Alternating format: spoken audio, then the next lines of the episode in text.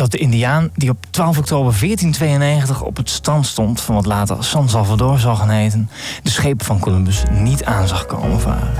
Hij zag alleen vreemde rimpelingen in het water, doordat hij zich een schip niet kon voorstellen. Mensen zijn zo sterk geconditioneerd dat ze alleen dingen kunnen zien die ze kennen en mogelijk achten. Zo luidt de moraal van het verhaal. We weten niet of het waar is. We weten wel dat het met de Indiaan slecht is afgelopen. In Schepen aan de Horizon praten we over de vreemde rimpelingen die we zien in de hedendaagse economie en samenleving. Van blockchain hackathon, tech meetups tot gemeente, chef digitaal kantoor, urbane CTO's. Van alles passeert de revue. Steeds vragen we ons af: wat zien we hier eigenlijk? En vooral, wat zien we niet, maar komt wel recht op ons af. Goedenavond, welkom bij Schepen aan de Horizon. Dit is aflevering 40 op 26 januari 2017. Ik ben uw gastheer, mijn naam is Maarten Bons. Hier in de studio zit de rest van de bemanning. Ruud-Jan de Mulder, Lieke de Vries, Juri Sepp, Ronald Mulder en Marloes Dekker. Wij verwelkomen ook, onze speciale gast van vanavond, Jan Dijkgraaf. Lijsttrekker, geen pijl. De kiezers zijn weer de baas. Ik geef graag het woord aan Marloes en Ronald. Vaart voort. Jan, welkom. Fijn dat je er bent. Um, we hebben eigenlijk als gewoonte om geen uh, politici hier uit te nodigen. Ja, dat is mooi, want ik ben ook geen politicus. Dus. maar je bent wel lijsttrekker. Of ja. uh, uh, Liest Lukker? Of Liest Lukker heet dat in Friesland, ja, dat klopt. Ja, waar ik woon. Ja.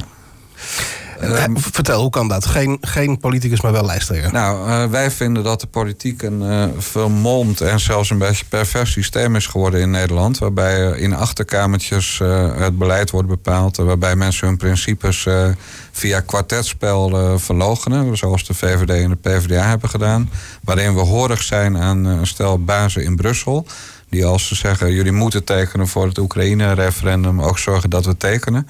Uh, en de mensen in Nederland zijn het vertrouwen in de politiek uh, volledig kwijtgeraakt. We zijn hier in Groningen. Nou, hier uh, heeft Nederland zeg maar, de bodem leeggetrokken op jacht naar miljarden. waardoor allerlei huizen op instorten staan en gestut moeten worden om, om te blijven bestaan. En de rest van Nederland interesseert het geen ene zak. als ik eerlijk ben. En uh, dat, dat het vertrouwen weg is in de politiek betekent bijvoorbeeld dat partijen als de PVV in, uh, zijn opgekomen. En dat, ja, ik vind dat persoonlijk niet zo'n heel goede ontwikkeling. Oké, oké. Maar uh, je, steekt, uh, je, je, begint al aardig te leren. Je lijkt eigenlijk best wel op een politicus zo. Ik vind wel meevallen. Ik heb al wat mensen beledigd. Ik heb al foute woorden gebruikt. Maar, uh... nee, dat is, volgens mij is les 1 bij mediatraining van... maakt niet uit wat iemand vraagt. je vertelt gewoon je verhaal. Hè? Dat, Nooit dus, antwoord geven. nou. ja. Nee, maar je, antwoord, je vraag was of ik, of ik waarom ik geen politicus ben. Nou, omdat ik van oorsprong columnist ben. En, en ik train heel veel mensen of trainde heel veel mensen. Ik maak bladen, dus ik doe allemaal dingen die helemaal niks met politiek te maken hebben. Ik heb wel als columnist heel lang een mening over politiek. Mhm. Het is een van mijn vaste onderwerpen. En mijn mening was in principe uh, vaak zeer kritisch. En de laatste jaren nog veel erger dan, dan ooit daarvoor. Uh, en dat heeft bij mij te maken met uh, de doofpot van de MH17, met het Oekraïne-referendum. Uh, het constante gevoel dat je bedonderd wordt door die mensen in met name Den Haag. Uh, dat zorgt ervoor dat ik ben nu 54 jaar. had kunnen zeggen, ik blijf lekker nog 14, 15 jaar schelden aan de, schelden, uh, laat ik zeggen, prikken aan de zijlijn. Uh of ik ga een keer mijn best doen om mezelf wat aan te doen. Nou, toen kwam het idee van geen pijl met de kiezer is de baas. Dus bij ons gaan de leden straks bepalen hoe wij gaan stemmen in de Kamer. En we gaan de regering controleren. Ja, het is misschien goed dat je dat nog even wat verder uitlegt. Ja, hoe, hoe gaat meteen? Dat? Ja, ja. ja de, de ja, kiezer is de baas. Hoe, uh... Ja, nou, uh, normaal gesproken zeg je van je staat achter een partij, laten we even zeggen de VVD, en dan kies je VVD. En dan doe je dat omdat je allerlei principes hebt die bij de VVD passen. Maar de VVD moet in een coalitie met andere partijen, dus die mhm. levert een deel van zijn principes in. Laten we even zeggen de helft.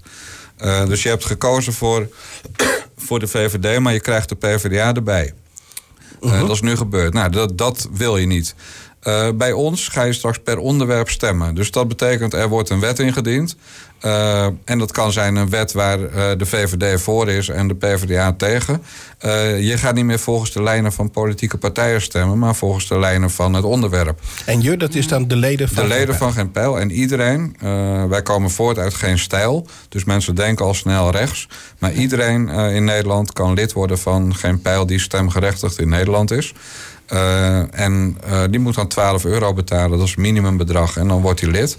Nou, dan uh, ga ik vervolgens doen wat die leden willen. Dus stel dat, dat 50% van onze leden hartstikke links is. en ik sta bekend als, laten we zeggen, liberaal. ja, dan ga ik toch doen wat die linkse meerderheid bij ons wil. En dat noem ik dan volksvertegenwoordiging.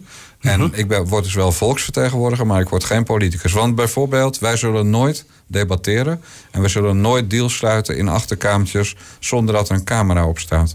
Nou, dan denk je revolutionair. Maar ik denk, ja, waarom moet je eigenlijk ooit in achterkamertjes onderhandelen? En waarom zou je debatteren als je. Ik volg nu 30 jaar de politiek. Er is nog nooit, echt nog nooit, in een debat in de Tweede Kamer is het gebeurd dat meneer A iets zei Waardoor mevrouw B zei: Weet je, je hebt toch gelijk, ik ga het helemaal anders doen dan ik me had voorgenomen. Iedereen die weet van tevoren al wat hij gaat doen. Het is een theater en dat theater gaan wij niet aan meedoen. Oké. Kort uh, antwoord was dat. We gaan er straks nog wel dieper op in. Ik ben ook wel benieuwd, Marloes, wat, jij ervan vindt. Want uh, jij bent. Uh, degene hier met eh, politieke ervaring, namelijk in de gemeenteraad in Groningen. Voor welke linkse partij? ik heb in de vorige periode was ik uh, raadslid voor de Partij van de Arbeid hier in, uh, in ja. de stad, inderdaad. En ja, wat jij zegt, dat herken ik wel over um, de compromissen die je moet sluiten, natuurlijk. En ja. hoe het hele systeem inderdaad georganiseerd is. Um, en um, ik was nog wel even, dat is ook misschien meer een beetje een human interest vraag. Ik was nog wel even benieuwd naar wat heeft jou dan? Je hebt wel aangegeven, ik ben al 54 jaar. Ja. Uh, ik moet nu wat, uh, wat doen. Ik wil niet langer langs de zijlijnen staan. Hoe kwam jij hierbij terecht?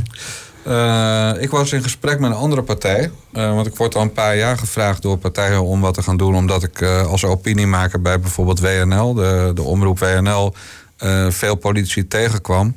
En heel vaak kreeg ik de vraag van waarom ga je zelf niet de politiek in? En dat gebeurde doorgaans door christelijke partijen. Nou, dat was makkelijk, want ik ben atheïst. Dus daar kon ik heel makkelijk nee zeggen. Maar op een gegeven moment kwam vlak voor hun deadline deze periode 50 plus langs. Nou, als je 54 bent, ben je doelgroep daar. Ja. Uh, dus toen dacht ik, nou, ik ga daar eens kijken uh, hoe ver ik kom in zo'n procedure. Echt een soort experimentje. En terwijl ik dat, toen ik daar verder in kwam, heb ik het aan uh, Bart Nijman van Geen Stijl gemeld met Bart voor je het in de krant leest... ik kom misschien op de lijst van 50 plus. Toen zei hij, dat is niet zo mooi, want ik had jou op het oog voor mijn lijst... want ik ga toch de politiek in. En uh, het is 2017, maar dat was 2016. Dat gaat dus via DM, via Twitter. Dus we hebben elkaar helemaal niet gesproken in eerste oh. instantie. Het ging gewoon via DM'tjes. En hij, hij legde het plan uit van we gaan niet debatteren, niet in achterkamertjes, maar wel dit en dit. Toen zei ik, nou, dan ga ik niet naar 50 plus, dan ga ik, uh, ga ik het doen voor jullie. Uh, en dat is een vrij impulsieve beslissing. Maar zo doe ik het eigenlijk altijd. Als mijn hoofd uh, ja zegt en mijn hart zegt ook ja, dan spring ik erin. Oké. Okay. Ja. Spak jou meteen aan, dit soort directe democratie. Je kan natuurlijk wel zeggen van... Um, er is niet zoveel mis met de democratie in Nederland. Hè? Dat we, we, hebben vandaag nog een minister naar huis gestuurd. ja, een minister die, uh, die zes gele kaarten heeft gehad in eerdere debatten. Nou, ik ben zelf voetbalscheidsrechter geweest. Ik stuurde mensen er altijd bij de tweede gele kaart uit, kan ik je vertellen. Ja, maar deze minister heeft zes kaarten de tijd gehad.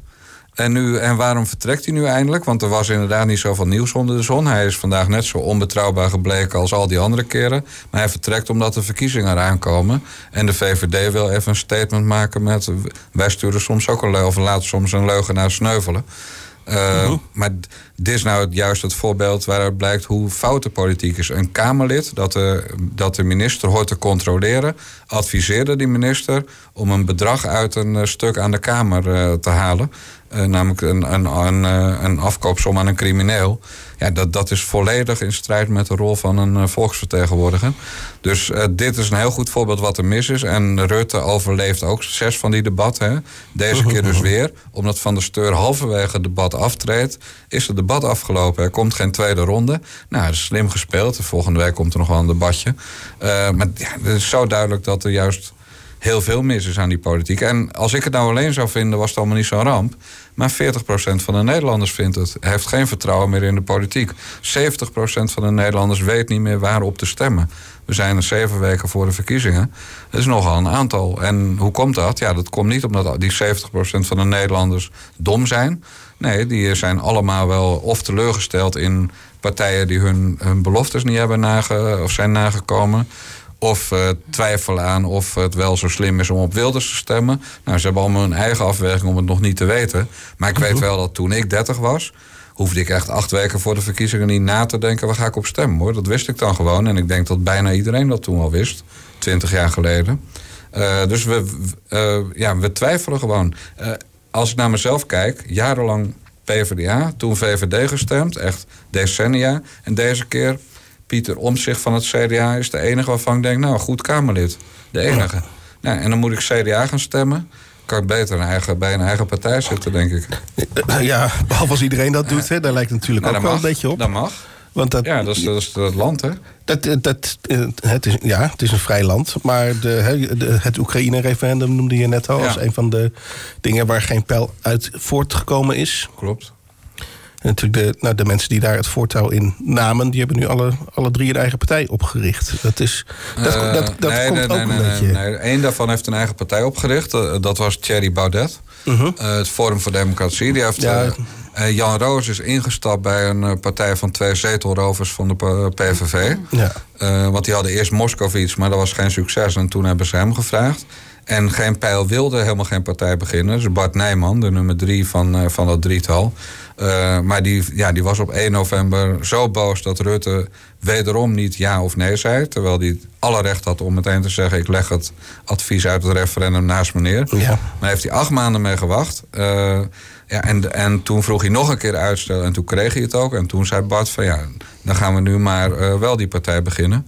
Want die woede, die, kijk, als ik het gewoon voor mezelf vertaal, mensen die boos zijn, dat, het is makkelijk om boos te zijn. Maar als je dan op Wilders gaat stemmen, ja, ik vind dat niet zo, niet zo lekker gewoon. Dan ga je in Frankrijk, gaan die mensen op Le Pen stemmen.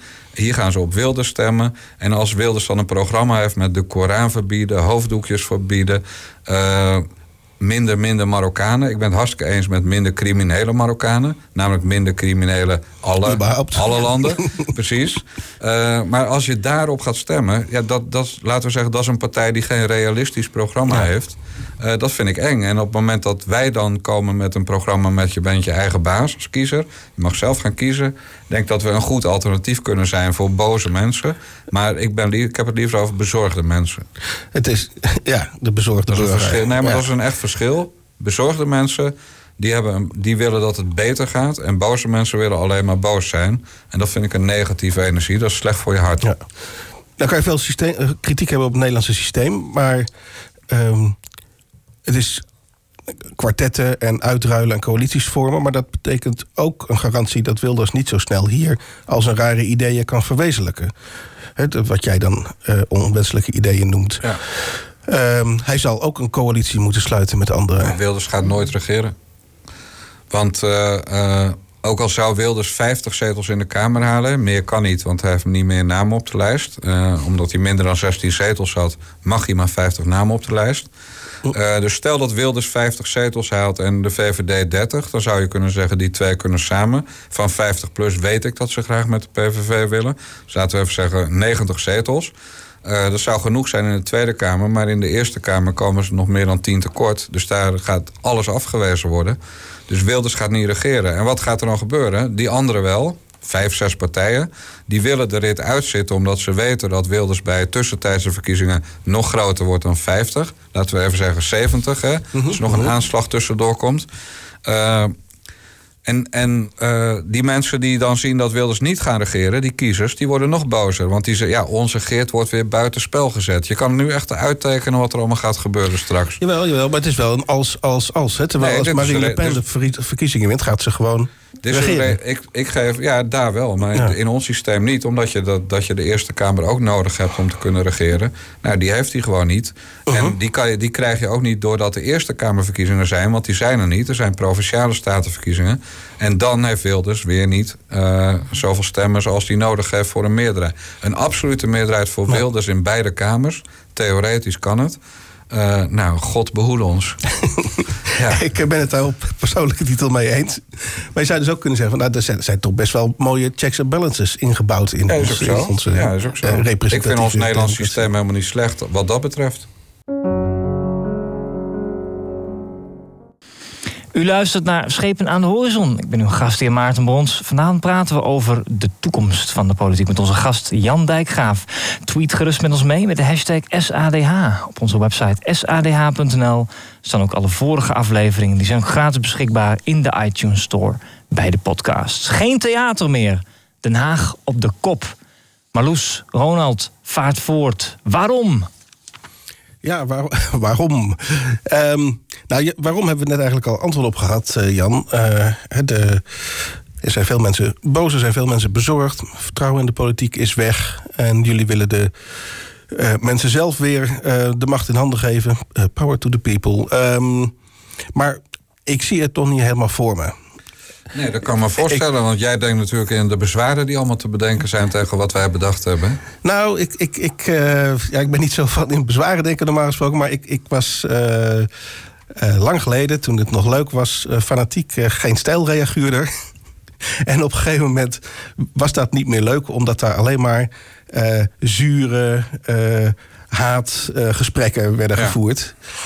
Um, en, en jullie willen de discussie van de Tweede Kamer verplaatsen naar een internetforum. Hoe, hoe, hoe blijft dat goed? Hoe blijft dat informatief, leuk? Je, je mag ons voor ons platform straks natuurlijk niet vergelijken met de reaguurderspanelen bij Geen Stijl. We komen voort uit Geen Stijl, maar dat is ook de enige relatie. Dus Geen Stijl heeft ooit geen pijl bedacht. En dat begon met de, verkiezingen, de Europese verkiezingen. Een avond tellen van stemmen. Want we moesten toen opeens van Brussel de uitslag bewaren tot zondag. Terwijl er woensdag gestemd was. Toen heeft geen pijl mensen het land ingestuurd, gevraagd. Willen jullie naar je eigen stembureau gaan en dan kan je namelijk de uitslag opeisen. Op een vriendelijke mhm. manier. En zo hebben ze toen gepeild. En toen zaten ze er één zetel naast. Dus dat was zeg maar het systeem in Brussel fucken.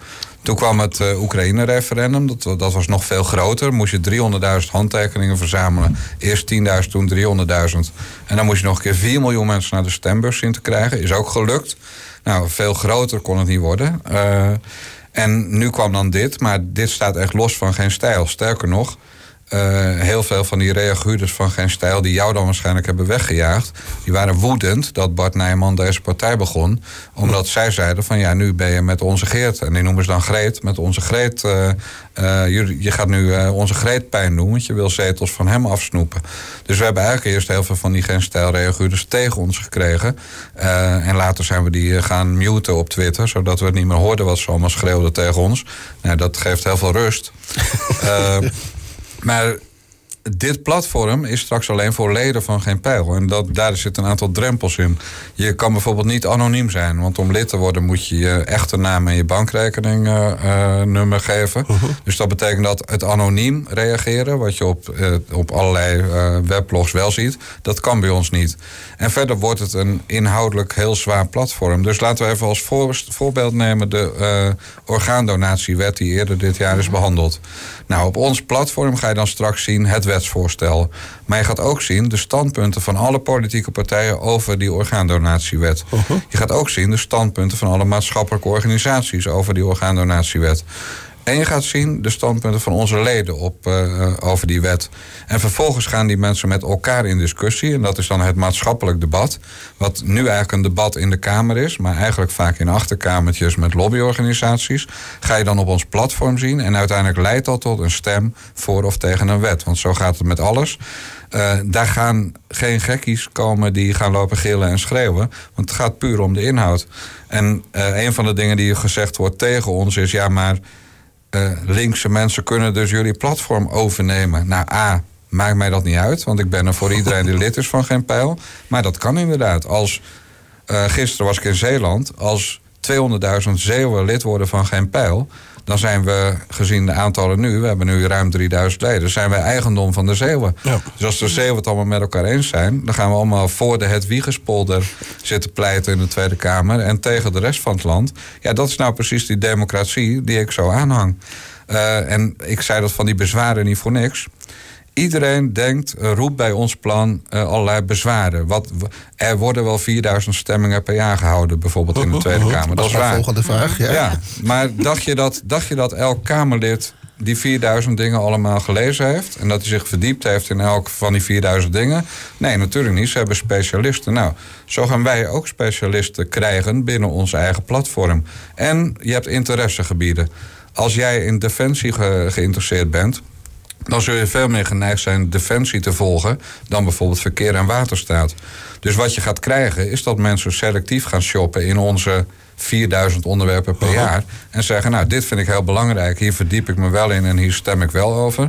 Dit vind ik niet belangrijk. Uh, dit laat ik even gaan. Want je kan nooit 4000 dingen, als je ook nog een baan hebt uh, helemaal je erin verdiepen en er dan verstandige beslissingen over nemen. Jan, nou, neem, ik probeer me daar beelden bij te, te vormen. Hoe werkt dat platform dan? Hoe ga je dat ik ga jou uitleggen dat we sinds ongeveer 1985 hebben we iets dat heet internet. Dat, dat... Ja, en, en apps hebben we wat korter. Ja. Maar dat, dat zijn uiteindelijk apps. En dat kan dan op je computer of op je telefoon zijn.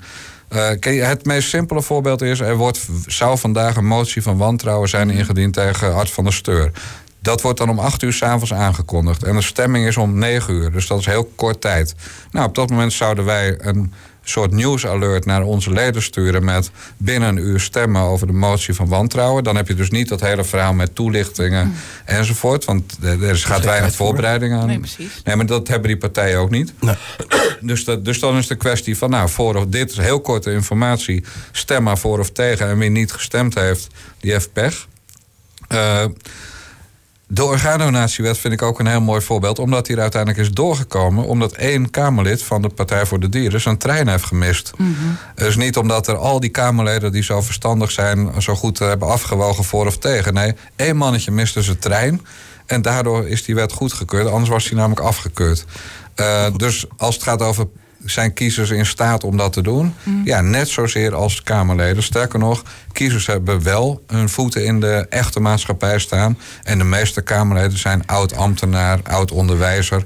En hebben gewoon nooit moeten werken voor hun omzet. Maar gaan jullie dan ook die leden van jullie helpen in uh, geïnformeerd te kunnen zijn? Want het feit dat inderdaad die Kamerleden nu misschien niet altijd geïnformeerd zijn over die waar volgen ze hun leider. stemmen. Ja hoeft natuurlijk nog niet voor jullie een excuus te zijn om dat dan ook maar. Nee, wij gaan ze juist veel beter informeren. Uh, ja, dus... en, en, dat probeer ik me. Nou, hoe, laten we nou. Vind ik dan al die informatie op jullie platform? Hoe, ja, dat... hoe werkt dat? Eigenlijk heb ik dat net al uitgelegd, maar ah. dat wil ik nog wel een keer doen. Nee, dat hoeft niet nog een keer. Nee, maar, er is een onderwerp. Er wordt over gestemd. En dan zeggen wij tegen alle partijen in de Tweede Kamer: jullie mogen jullie mening en, mhm. en argumenten op ons platform zetten. Mhm. Nou, dat, dat is, dat is een, of je het uploaden noemt. Of, dus iedereen is bij ons welkom om zijn mening te geven. Maar ook maatschappelijke organisaties en ook onze leden. Nou, dan heb je, heb je een drietrapsraket van politici, van maatschappelijk veld en van gewone mensen. En dat bij elkaar geeft mensen een beeld van wat, uh, wat een goed standpunt zou kunnen zijn. En uiteindelijk mhm. gaat het natuurlijk. Dit is, een, dit is een bijna theoretisch verhaal, want heel veel mensen stemmen juist met hun buik en niet met hun verstand. Ook als ze zeggen: Ik stem op het kontje van Wouter Bos. Heb ik vrouwen letterlijk horen zeggen. Uh, ik stem, Wilders zegt het allemaal zo duidelijk, dus ik stem op Wilders. En dan zijn dit nog redelijk nette argumenten. Dus het is helemaal niet zo dat mensen met hun verstand Nee hoor, politiek is emotie en emotie is politiek. Ja. Verkiezingsprogramma's lezen doet echt bijna niemand. Nee, nee, Oké, maar het, mensen, ja, het hoeft niet perfect te zijn, maar dat, dat is het nu ook niet. Hè? Het, het, is nu slecht. Het is nu slecht. Ja, dus... anders zouden mensen niet zo, niet zo afhaken van de, of niet zo'n zo'n afstand nemen van de politiek. Hm, hm. Het, het, uh, ik moet even denken aan, nou ja, misschien wel de meest, uh, de best functionerende directe democratie die, die we kennen, namelijk Zwitserland. Uh, ja. Waar ze hele nette wetgeving hebben rondom referenda en, en volks, en volksinitiatieven. Ja. Ehm, maar waar daar in sommige kanten ons ook al geklaagd wordt van het wordt wel veel. We moeten ons wel over in veel dingen verdiepen. En dan Gaan jullie echt elk, elke, elke stemming voorleggen aan, aan het forum? Ja, of ga je een selectie je maken? zal natuurlijk in de praktijk zien dat, er, dat mensen in het begin daar heel enthousiast in zijn en later selectief gaan worden. Maar dat is gewoon, dat is prima. Want als je 10.000 leden hebt, dan zijn er Mhm. altijd wel een paar duizend in elk onderwerp wel geïnteresseerd. En er zijn ook onderwerpen, een, een paraafje veranderen in een belastingwetje, wat niemand boeit. Ja, daar zal niemand over stemmen. En dan doen wij het dus ook niet. Dan zeggen we, nou, wij, stemmen niet. Ja. Eh, Dus maar- een, een, drempel erin. Als er geen Ah ja, een, een natuurlijke drempel. Dus de belangrijke onderwerpen zullen, zullen veel mensen over mee gaan doen. En onbelangrijke onderwerpen zullen mensen laten zitten. Eh, maar kijk, hoe gaat dat dan nu bij die traditionele partijen? Eh, de fractiespecialist zegt hoe de fractie moet stemmen. En de rest als braaf stemveer stemt mee. Fractiediscipline. Eh, ja, en, en wij hebben dan ledendiscipline. Maar kijk, ons systeem heb ik nu simpel verteld. Het wordt ingewikkelder. Eh, en dat, dat zal ik dan hier vertellen, want ik heb nu even de tijd. Wij, gaan, wij zijn op weg naar een systeem waarbij je per onderwerp kan meestemmen met een partij. Dus je zou bijvoorbeeld kunnen zeggen: op zorg ben ik heel erg SP. Dus op zorg stem ik mee met de Tweede Kamerfractie van de SP. Op immigratie ben ik PVV, zeg maar het andere uiterste. Op immigratie stem ik mee met de PVV. En zo kan je eigenlijk je stem op onderwerpen. En waarschijnlijk volgen we dan de departementen, want dat is de meest logische lijn. Maar dit is in ontwikkeling, hè, dus daarom eh, eh, ga ik daar niet te veel verder op in.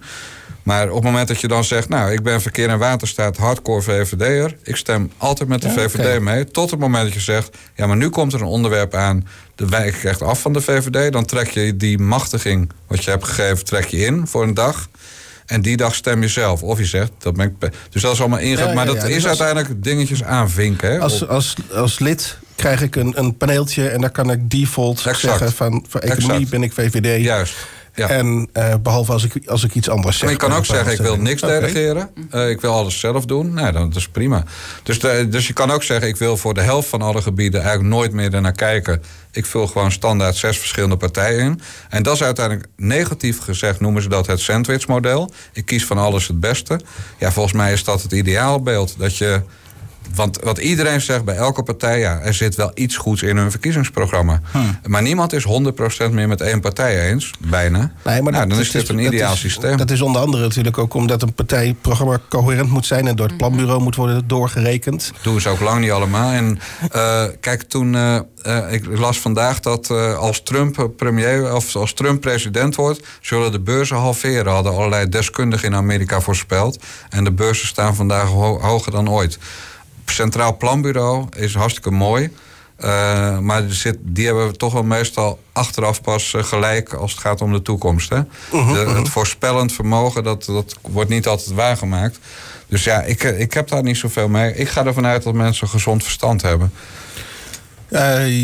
Ja, dat, dat, ik moet denken aan een gesprek dat we alweer een tijd terug hadden met eh, Mark Paulies, een wetenschapper hier in Groningen. Die heeft veel op het gebied van directe democratie gedaan op lokaal niveau, eh, deliberatieve peilingen. En een van zijn conclusies was dat als je mensen eh, de, juist de nodige informatie geeft en ook de echte zeggenschap hè, en, en, en ook het geld om het Ja. waar te maken wat ze, wat ze beslissen, dat ze dan hele verstandige beslissingen Ja. nemen. En goed naar elkaar luisteren en zo. Ja. Maar bij jullie zit die, die budgetrestrictie er niet aan. Hè? Jawel, Dus als mensen het- alleen maar leuke dingen steeds Nee, uitkiezen. nou, die, die zit er dus wel aan. Want uiteindelijk heeft elke keuze heeft een eh, gevolg. Dus op het moment dat, stel dat onze leden bij alles zouden zeggen: geef maar uit, geef maar uit. Hè, Mhm. eh, maar we willen geen we willen een belastingverhoging. vliegtuig. Nee, dat kan dus niet. Maar dat wordt er wordt ook niet gestemd op die manier eh, over een belastingverhoging. Eh, dus er wordt het, op het moment dat je, dat je zegt van geef maar uit, geef maar uit, dan komt er een moment dat de belasting automatisch omhoog moet. Eh, maar kijk, dit gaat weer uit van domme mensen. Eh, en mensen zijn niet dom. Mensen snappen dat je een euro maar één keer kunt uitgeven. Alleen ze kiezen op een bepaald moment voor één onderwerp. En het, het is bijna deden om te denken dat Tuna of Atje Kuiken... dat die slimmer zijn dan 10.000 Nederlanders bij elkaar. Eh, ik vind die 10.000 Nederlanders in principe slimmer dan één Kamerlid... en ook dan 150 Kamerleden. Jawel, jawel. Ja, ehm, ik eh, zeg ook niet Maar mag nog mensen- even wat over het Zwitsers model zeggen... want daar begon je over. Mag wel, hè? Nou, je doet het toch, dus eh, ga je gang. Nou, in Zwitserland was, was laatst een voorstel om iedereen een basisinkomen van 3000 of 3300 uh, Zwitserse francs te geven. Dat is een 2300. Ja. 2300, maar een serieus bedrag. En dat, dat is met 77% afgewezen. En dat vind ik nou een heel goed voorbeeld waar een bevolking niet kiest voor de makkelijke weg met geef iedereen maar een zak geld. Maar gewoon het verstand laat prevaleren en zegt: nee, we doen dat niet. En dan weet ik wel dat 2300 in Zwitserland iets minder waard is dan hier. Maar daar zag je dat, dat de bevolking in staat is tot gewoon, in mijn ogen, dan verstandige beslissingen. Uh-huh. Uh, namelijk, we gaan dat niet doen. Dus het, het is. Uh, Kijk, als je aan de kiezer zou voorleggen minder, minder, minder Marokkanen, dan zou je nog denken, je hebt gelijk. Maar wij hebben ook nog een keer uh, uh, het Europees Verdrag van de Rechten van de Mens als morele leidraad. Dus wij zullen nooit dat soort dingen voorstellen en laten voorstellen door onze leden. Dus als onze leden ons dwingen dat in de Kamer een wetsvoorstel in te dienen, zullen we zeggen: nee, dat doen we niet. Dat is in strijd met EVRM. Oké, heel goed. Heel goed. Um, laatste, laatste punt over dit onderwerp. Dat is uh, doordat je zei van. Uh, kijk, die mensen die selecteren zelf wel waar ze dan interesse in hebben. Dus uh, ik, ik, heb interesse in, noem maar wat, infrastructuur. Ja. Of in openbaar vervoer. En uh, Marloes die heeft interesse in onderwijs. En ergens interesse in hebben betekent vaak dat je vindt dat daar meer geld heen moet. Dus, vind je dat echt? Dus, uh, is wat ouderwets gedacht? Nee hoor, dan vind je misschien wel dat er minder geld naartoe moet. Dat kan toch ook? Bijzonder onderwijs kan je best van vinden dat daar geen geld meer naartoe moet. Uh, en dat, dat is een, een, standpunt wat diverse politieke partijen hebben. Ik zelf ook trouwens. Uh, dus op het moment dat. dat het, je gaat echt uit van, van ouderwetse politiek. En ik ga vanuit van we gaan het systeem helemaal opnieuw opbouwen. Want ik wil ook dat wij stoppen over vier jaar. Omdat al die partijen ons systeem over hebben genomen. Oké, okay, het is. Uh, je gooit de knuppel in het hoenderhoek en je laat zien dat het zo goed werkt. En dat mensen dat aankunnen. En dat, ja, de eh, Partij van de Arbeid houdt een lijsttrekkersverkiezing. Ik vind dat hartstikke goed. Maar ze, ze sluiten één kandidaat, namelijk Jacques Monas, wel uit. Ja. dat vind ik hartstikke slecht. Dus dat is schijndemocratie. Maar als de PvdA nou had gezegd... iedereen mag meedoen, ook een knuppel uit Brabant, hè, dat maakt niet uit. Iedereen mag meedoen uh, en we zien wel dat wie er wint... Maar ik denk dat Monas wel een serieuze kans had gehad. En ik denk dat de PvdA dat ook dacht. En daardoor is die kat gesteld en begint hij een splinterpartij. Dus zodra alle partijen overgaan op echte democratie... en laten we dan Wilders maar vergeten, want die heeft maar één lid, hè, dat is die zelf. Maar alle andere partijen overgaan tot directe democratie. Echte, zoals wij het bedacht hebben. Mag best een beetje een variant op, maar in elk geval de basis, elk lid is echt de baas. Uh, nou, dan kunnen wij stoppen. En, en dan gaan we weer lekker stukjes tikken allemaal. Want dat vinden we eigenlijk veel leuker. Oké. Okay. Uh, ik, uh, daar gaan we straks nog even op door, uh, denk ik, van wat, wat, er nou wat er gebeurt over vier jaar. Hè, en um, wat jullie lange termijn plannen zijn. Dat is Lou Reed, A Perfect Day. De keuze van onze gast Jan Dijkgraaf. Jan, vertel, waarom dit stuk? En waarom bijvoorbeeld niet de uitvoering met al die gastartiesten van een paar jaar terug? Ja, dat is een heel simpel verhaal. Omdat dit lied werd gedraaid op de crematie van Theo van Gogh. En niet uh, die andere uitvoering. Uh, want die was er denk ik toen nog niet. Ik weet niet precies uit welk jaar die komt. Maar dat, uh, dat is de reden.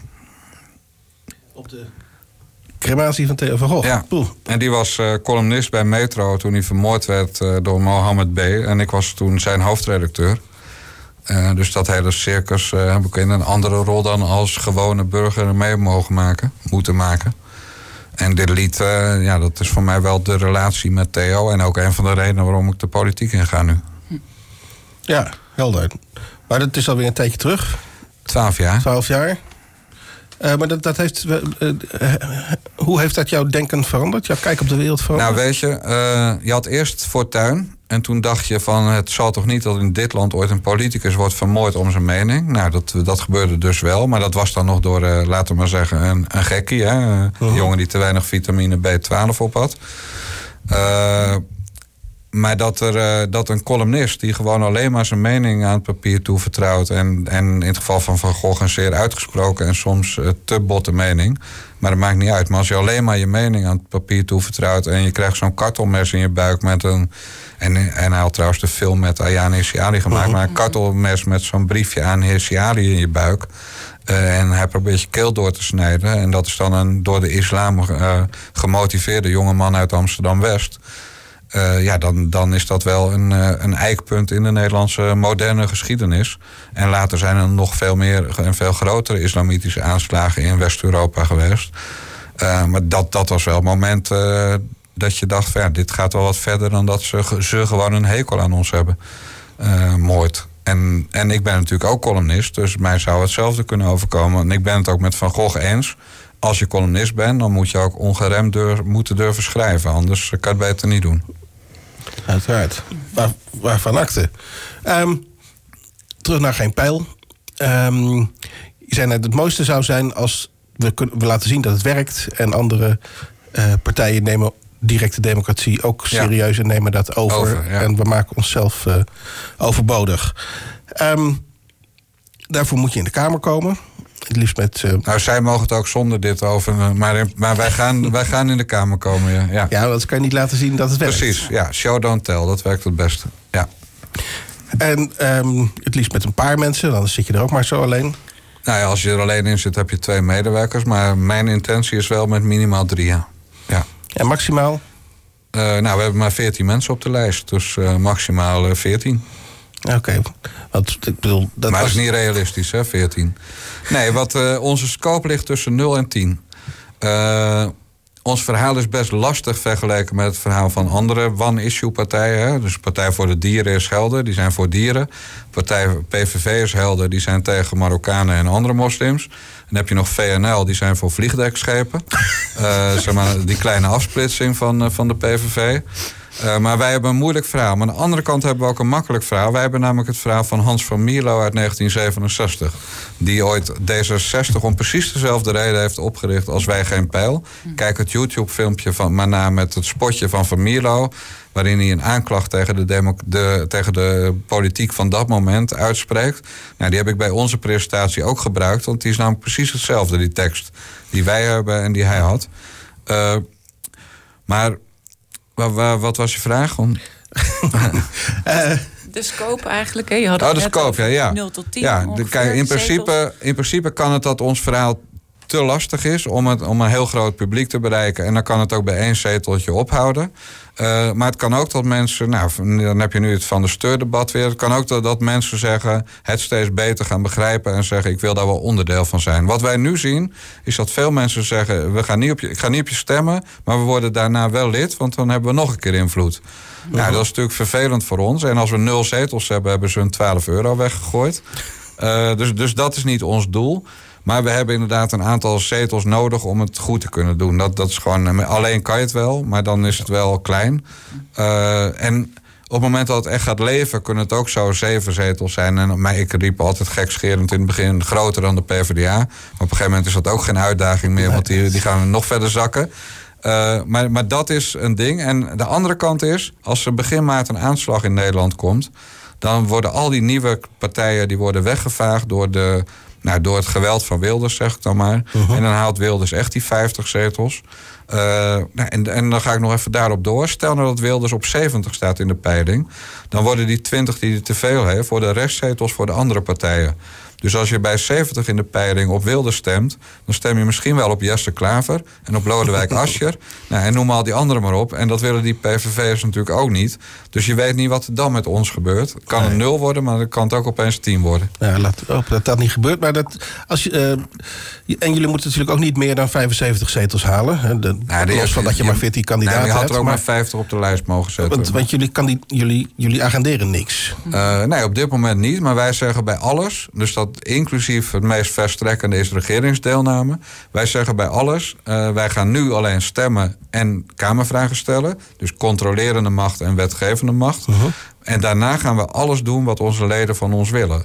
Dus wij zeggen ook, we gaan niet debatteren. Maar als de leden tegen mij zeggen, je moet gaan debatteren... ga ik dat gewoon doen. Alleen, zij kunnen mij niet van tevoren vertellen hoe een debat gaat verlopen. Dus ze kunnen me wel de, zeg maar, de insteek geven aan het begin, maar ze weten niet. Kan de, de autocue wel aan dat platform dat koppelen? Kan dus niet. Nee, dat, dat, kan dus niet. Maar kijk, als, laten we nog even op dat regeren doorgaan. Als Rutte mij vraagt, hè, want dat wordt de volgende premier, kunnen wij eens praten? Dan zeg ik dat is goed, maar op mijn hoofd zit een GoPro. En wij zenden live uit wat in dit gesprek gebeurt. Nou, dan zeg je natuurlijk, ja, dat gaat Rutte niet doen. Maar dat is dan omdat Rutte dat raar vindt. En dat is niet omdat het raar is. Nou. Uh, dus als je zegt van democratie moet weer. De kloof moet worden gedicht. Hè? Dat roepen zij ook allemaal. Nou, daar ben ik het hardgrondig mee eens. Maar als je de kloof wilt dichten, dan maak je het transparant. Moet ik naar Willem-Alexander, uh, de koning. Met een dan gaat de GoPro op, mijn hoofd. Ja, of, of een, een klein cameraatje al in mijn knoopsgat. Ik bedoel, het mag er ook subtiel uitzien. Maar bij alles wat wij willen wordt dan gezegd: ja, maar zo werkt het niet in Den Haag. En dan zeg ik: nee, maar zo gaat het wel werken in Den Haag, want zo gaan we dat doen. En als je zegt van democratie moet transparant worden, dan hoort dit er gewoon bij. Dus geen achterkamertjes, tenzij het met een camera is, dan wil ik in elke kamer gaan zitten. En dat, dat is uh, veranderend, vernieuwend. Um, aan de andere kant zie je bij diverse collegeonderhandelingen in het land al dat het in het openbaar gebeurt. En dan weten we hier aan tafel wel dat er dan stiekem al heel veel in achterkamertjes aan vooraf is gegaan. Maar de basis is dat partijen altijd beweren dat ze voor transparantie zijn. En wij dagen ze uit om het dan maar te laten zien. Oké, radicale transparantie. Ja. En ook transparantie dan online. Uh, want uh, je had het eh, eerder over Twitter en eh, de DM's uh, via hoe jij met in contact bent gekomen en dergelijke. Zo radicaal transparant. Nou, als, je, als, je, nu op geenpijl.nl kijkt, mhm. overdag dan, want nu zit er niemand, maar dan zal je de webcam op ons hoofdkantoor, die staat gewoon aan wanneer we er zitten. en nu nog zonder geluid. maar dat is meer een technisch ding. Want mhm. wat ons betreft is dat vanaf 15 maart op onze fractiekamer komt een, komt een webcam met geluid. Uh, onze bonnetjes die we declareren, het zijn er heel weinig, want we werken met vrijwilligers. Maar de bonnetjes die we declareren staan ook op de site. Uh, en, en wat gebeurt er nou? Wij, uh, wij hadden laatst een kandidatendag en dan kopen we broodjes bij, bij een supermarkt waar ook wel eens treitervloggen staan in, in Noord-Holland, om maar geen namen te noemen. maar dan kopen we goedkope broodjes. Terwijl als je dat niet transparant doet, uh, zoals andere partijen, nou, dan ga je naar een uh, plaats in Zuid-Frankrijk om met je fractietop te overleggen, de VVD laatst, over uh, de campagne. En dan eet je gewoon in sterrenrestaurants en dan ziet niemand ooit de bonnetjes, maar ooit een, een eindbedrag. Dus we zijn in alles extreem transparant. Mensen mogen, mogen onze bonnetjes zien, mensen mogen zien hoe we vergaderen. maar bijvoorbeeld onze kandidatenlijst is volstrekt niet democratisch vastgesteld omdat daar vertrouwen de basis van is. Nou, dan moet je werken met mensen die je kent. En dat heeft eh, Bart Nijman dan gedaan. Ja, tot 15 maart uh, gaat dat zo. Zijn wij gewoon de baas en daarna pas de kiezers. Maar je hebt mensen op de lijst staan waarvan je er vertrouwen in hebt dat ze zich aan de afspraak houden. Dat ja, want de belangrijkste afspraak is dat we geen zetelrovers krijgen. Ja. Dat klopt. Ja. Oké. En wat nou als jullie geen zetel halen? Is dan allemaal voor niks geweest? Of, nee, of is er een plan B? Nee, er is een plan B voor de partijen. En dat is, uh, er komen nog heel veel verkiezingen aan. Uh, gemeenteraad zijn de volgende. Dan komen de Europese verkiezingen. Nou, Europa en Geen Pijl is een zekere historie. namelijk de, de, de, beide succesverhalen van Geen Pijl zijn Europese zaken geweest. maar de gemeenteraad zou dit natuurlijk ook geweldig werken. In grote steden zeker. Dus, Kunnen we dit white labelen voor Groningen? Of, nou ja, als, Kijk, het, belangrijkste is dat mensen hun ego opzij durven zetten. Want het gaat niet om mijn mening of, of jouw mening als je het in Groningen zou willen. Het gaat om de mening van je leden ter plekke. Als je bereid bent om die te volgen en, en natuurlijk binnen de wettelijke kaders. Ja, dan kan dit inderdaad gewijdlabeld worden onder de naam Geen Pijl in elke gemeente. Want het, dat, zeg maar, dat, dat stemsysteem, dat staat straks. Uh, en, en 15 maart zal dat nog maar de basis zijn. Maar dat staat straks. En dat is natuurlijk uh, te kopiëren naar elke omvang, maar ook naar elk land. Uh, als, als maar een soort democratisch systeem is. dus dat... is een plan B. En dan heb ik nog zelf een plan B. Want ja, ik heb alles opzij gegooid voor dit. Ik doe dit vier maanden als vrijwilliger ik moet dan wel uh, weer aan het werk. Dus zij moet ook roken. Is, ja. is, het, is het een plan B voor als je niet in de Kamer komt? Of is het sowieso een dat plan is sowieso vanuit een plan, geen eh, pijl om richting ja, maar, de gemeenteraad te gaan? Uh, nou, dat lijkt mij heel logisch. Dat je, dat je dit overal wil gaan doen. En, en je zal ook de provincie in moeten als je in de Eerste Kamer mee wil doen. Mm Dus wat mij betreft is dit gewoon de eerste stap. En, uh, en wordt geen pijl. Kijk, heel veel mensen die het positief omarmen, die zijn er ook, die zeggen: ja, dit is wel een begin van iets heel groots. Uh, en dan weet je niet of wij nu te vroeg zijn, of het heel klein wordt. Dat kan allemaal. Of een aanslag komt, nou, wat dan ook. Maar in elk geval, de potentie ziet iedereen wel. Want toen onze democratie werd bedacht, was het 1848. Ja. Toen had je nog geen internet, had je nog geen mobiele telefoons. Dus mag het een keer tijd worden dat de boel vernieuwd wordt? Ja, toen deed je er nog eh, twee dagen over om van Groningen naar Den Haag te Ja, komen. precies. Dus dan, Ja. dan, dan heeft een Eerste Kamer ook nog wel enige Ja, eh, exact. zin. Ja. Ehm, nee, dat is bijvoorbeeld eh, een van de redenen waarom, waarom eh, Martijn Aslander, hè, vriend van de show, Ja. eh, die is heel enthousiast over ons. maakt voor Ja. jullie. Ja. Die is gisteren toevallig bij ons op het hoofdkantoor geweest. En die heeft ons ook nog wat tips gegeven. Ja, ik heb zijn laatste boek gelezen. Althans, ik ben eraan bezig en ben nu eh, ver over de helft. Ja, dat past naadloos bij wat wij zeggen. Eh, dus ik vind dat eh, die groep, zeg maar... want dat, dat is niet de massa, de Martijns van deze wereld... maar die groep snapt heel goed waar wij mee bezig zijn... Eh, en kijk, wat wij natuurlijk voor hebben op anderen die dit ook wel kunnen bedenken, is dat we wel voortkomen uit geen stijl. Dus wij, althans de anderen, want ik, ik ben nieuw bij deze club, maar wij weten wel hoe internet werkt en hoe we jongeren kunnen bereiken. En bij geen stijl hoort ook Dumpet. Nou, onze nummer vier is een jochie van 21. Eh, ik heb tegen alle kandidaten gezegd: zorg maar dat ik niet in de Kamer kom en jullie wel. Dus die jongen van 21, Damiaan Reinaars, die gaat gewoon vol campagne voor zichzelf voeren. Nou, die zal bij Dumpert veel meer. Die, zeg maar, het Dumpert publiek zal van hem houden, terwijl ze mij een oude lul vinden. Dus laat hem maar lekker daar zijn gang gaan, als ze maar op onze partij stemmen. Ja, prima. Eén ding fascineert mij nog. Hoe komt het nou? Je zei het zelf net ook, hè? Dit is eigenlijk het D66-programma van, van in de Ja. tijd. 50 jaar geleden. En deel 50 jaar geleden. En, en nu zie je dat eh, ideeën van geen pijl toch vooral weerstand oproepen bij links. Juist bij links. Ja, gek, hè? Waar, waar, Ja. waar is, hoe is dat omgedraaid? Waarom is links nu tegen directe democratie? Omdat eh, links inmiddels verknocht is aan, aan het plus. Eh, dat, is een belangrijk ding. Dus zo- zodra je aan de macht bent, ben je tegen verandering. Eh, en op het moment dat je in de oppositie zit, laten we zeggen de jaren 60 links, eh, dan, dan, dan moest je de verandering nog creëren. Eh, en dan wilde je de status quo van dat moment doorbreken. Nou, en nu zijn ze zelf aan de macht. De- PvdA in Groningen, de PvdA in Amsterdam, de PvdA in Rotterdam. En, de, en de PvdA nog steeds, als je denkt nog steeds dat hij om het premierschap strijdt. Jesse Klaver wil premier worden. Maar dat, het ergste is, vind ik, dat D66, die al die kroonjuwelen heeft verlogend... Hè, eh, inclusief het, eh, het bindende referendum. Dat, want D66 heeft ook dit referendum eh, de billen mee afgeveegd. Ja, dat vind ik nog het allerergst. Het bestaansrecht van die partij was democratisering. Dat is echt volledig mislukt. En de PvdA is natuurlijk altijd een arrogante, regenteske bestuurderspartij geweest. Ook in Groningen. Zeg eens Al in wat van. Groningen. Oké. Ik, eh, eh, ehm, ik hoop in ieder geval, ik bedoel, ik wens jou sowieso veel succes, eh, Jan.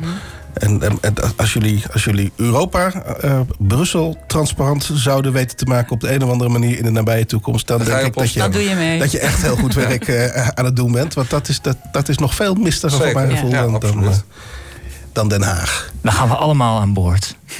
Toch? Dat zou mooi zijn. Een, een, een schepenafvaardiging richting Brussel. Via de rivieren. Democratie in de 21ste eeuw volgens geen pijllijsttrekker Jan Dijkgraaf. Hedendaags, online en transparant. Dit is Schepen aan de Horizon, de 40ste aflevering. Reuze bedankt aan onze partners Oogradio, Voice Telecom, Warpnet en Studium Generale. Volgende maand voelen we Kees Klomp aan de tand over de betekeniseconomie. Tot die tijd staat alles online op sadh.nl en gratis in de iTunes Store bij de podcasts. Scheep aan de horizon wordt gemaakt door Ronald Mulder, Lieke de Vries, Juri Sepp, Marloes Dekker. Mijn naam is Maarten Brons, techniek Ruurtjan de Mulder. En natuurlijk vooral ook bedankt aan onze speciale gast van vanavond, Jan Dijkgraaf. Bedankt voor je komst naar de studio.